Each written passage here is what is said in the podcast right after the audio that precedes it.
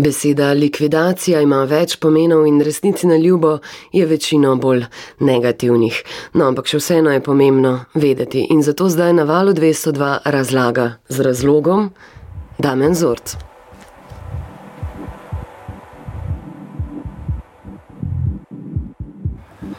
Ja, ne pozabite, mi smo razlagalci besed, pa če včasih še tako bolijo. Likvidacija je beseda, ki se ponaša kar s sedmimi razlagami v velikem slovarju tujk.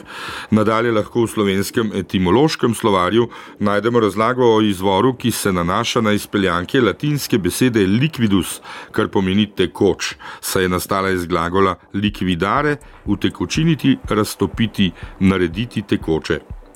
Kdaj natančno so v daljni zgodovini pri poslih upeljali tekoče poslovanje, mi ni uspelo izvedeti. Danes pa se likvidacija uporablja izključno v dveh samostojnih primerih. Določajo žrtev, likvidiranec. V enem primeru je to lahko človek, v drugem podjetje. V gospodarskem pravu nam je to tekočinsko navezo skušal pojasniti docent dr. Saša Prelič z Mariborske pravne fakultete ja, kot neko zaprtje nekega podjema, lahko pa uh, izraz likvidacija izpeljujemo tudi iz okoliščine, da se praviloma v likvidacijskem postopku premoženje pravne osebe unovči, torej likvidira oziroma se spremeni v neko najbolj likvidno obliko, torej v denar. Lahko bi rekli, da je mogoče ta izraz povezan tudi z torej, unovčenjem, likvidiranjem podjema oziroma unovčenjem premoženja. Katero izmed obeh dan današnjih pojmovanj likvidacije pa se najpogosteje prikrade v misli tokratnih naključnih anketirancev? To je Ana Štraus preverila na ljubljanskih ulicah.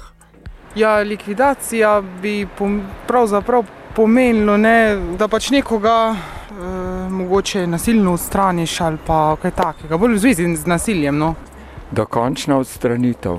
Ne da se nekaj izbriše, da se nekaj, da nekaj propade, da nekdo nekoga mu pomaga, da propade. Recimo. Če je podjetje likvidno, potem lahko posluje, recimo, lahko vem, ima denar.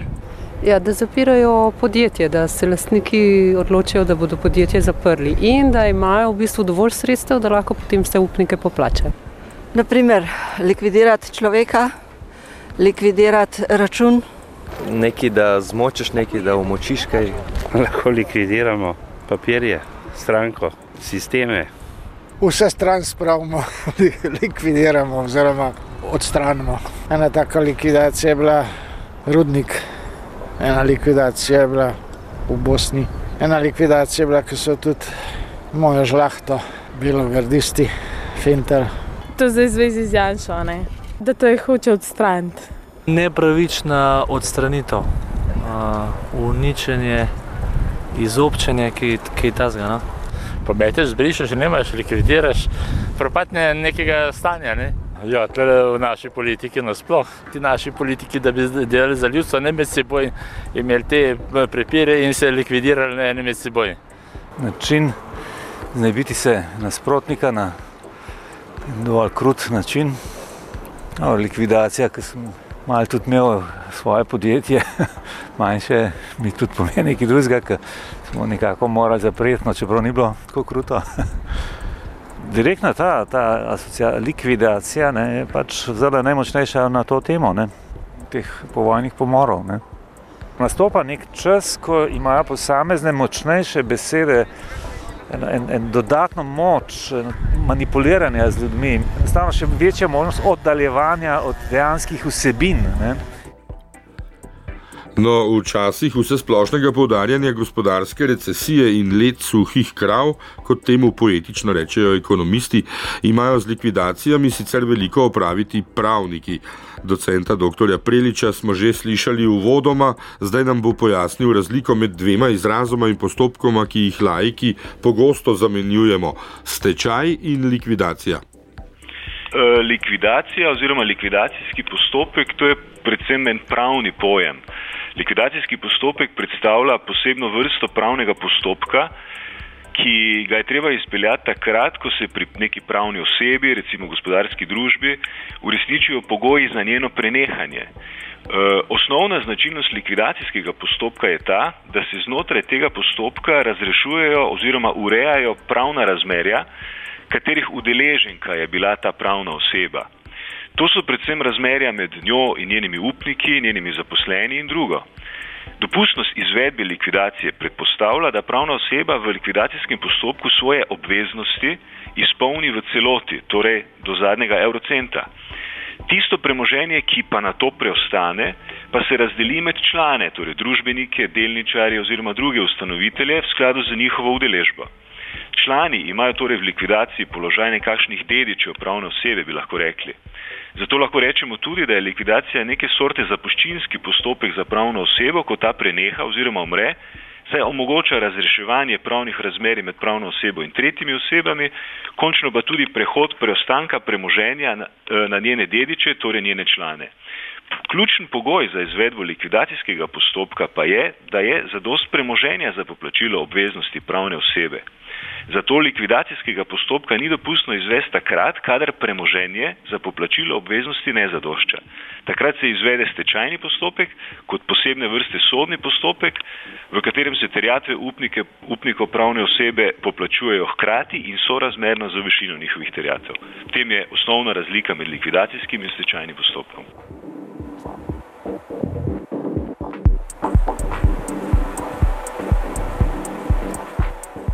Lepo, da ste nas uh, navedli na usporednice med likvidacijo in uh, dediščino za poščinskimi razpravami, ampak slednje imajo več oblik. Ali ima več oblik tudi likvidacija? Tudi likvidacija ima več oblik, ki so pa vsebinsko si zelo podobne.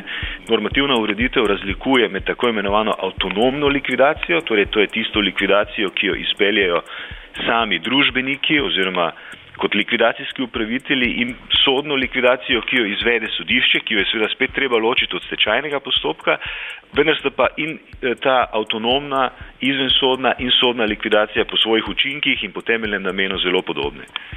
No, besede, ki izhajajo iz likvidacije, so še likvidatura, ne? to je verjetno neka en, enota, kjer se likvidacije izvajajo, potem so tu še likvidatorji, so sami ljudje, ne, ki izvajajo likvidacije, ampak ali so po vašem mnenju recimo likvidatorji nekakšni ekonomski rabli? Ja, na nek način so. Eh, bolj bi jih primerjali, lahko primerjali z eh, neke sorte pogrebci, ne, ker njihova naloga je ravno v tem, da izpeljejo vsa pravna opravila, da se pravna razmerja znotraj likvidacijskega postopka razrešijo in da se zagotovijo podlage za, preko, za dodelitev preostanka premoženja eh, dedičem, torej družbenikom, članom in drugim ustanoviteljem. Pa se lahko likvidacija tudi izjalovi vmes med postopkom? Uh, lahko se izjalovi iz različnih razlogov. Naprimer, če se ustanovitelji, ki so odločili o prenehanju pravne osebe, odločijo, da ona nadaljuje, ne, takrat se likvidacija ustavi. Lahko se pa likvidacija kot uh, postopek izjalovi tudi zaradi tega, ker se znotraj njega uh, ugotovi insolventnost pravnega subjekta, pravne osebe, torej dejstvo, da premoženje ne zadošča za celotno poplačilo obveznosti in takrat se znotraj, stečaj, znotraj likvidacijskega postopka nadaljuje stečajni postopek.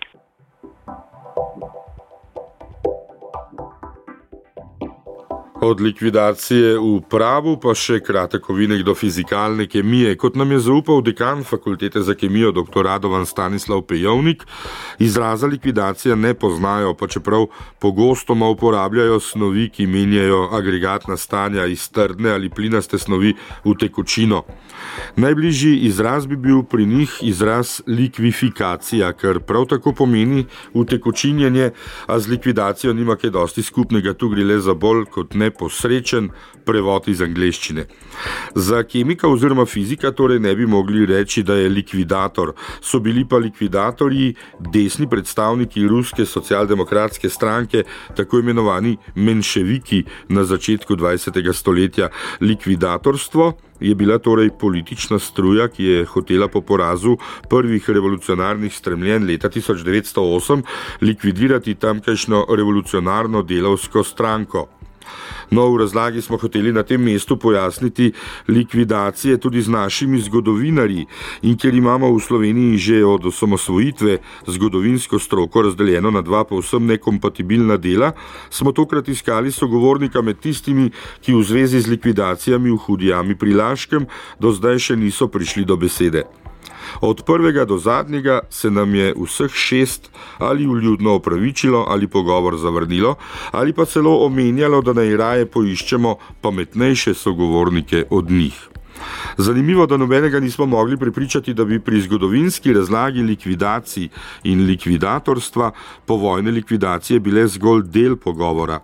Pa še na to, da je najnovejše odkritje stališča stroke še tako rekoč neraziskano, bi se tudi lahko zgovarjali. No, očitno se bodo morali v Sloveniji spraviti ne samo beli in rdeči, ampak tudi zgodovinari te ali one vrste. Do takrat pa bo Clio zgolj znamka avtomobila in ne muza zgodovine.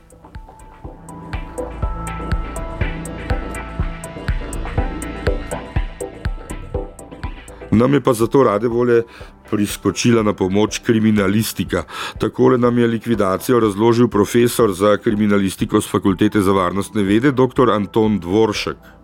Ja, kriminalistika neposredno tega izraza sicer ne uporablja, pozna pa izraz eh, naročen eh, umor, ki je nekakšen sinonim za likvidacijo. Eh, naročenih umorov se poslužujejo najpogosteje kriminalne organizacije, ki na ta način se znebijo bodi si svojih odpadnikov, bodi si možnih prič, ki bi zoprnje pričale v sodnih postopkih ali pa konkurenčnih eh, članov kriminalne skupine, s katerimi so v sporu. Doskrat pride tudi v kriminalističnem preiskovanju, ko nekdo, na primer, išče naročnika v boju. Tu pa ni nujno, da gre za organiziran kriminal. Nekdo se, na primer, hoče znebiti svojega partnerja ali zakonskega ali poslovnega ali kakršnega koli.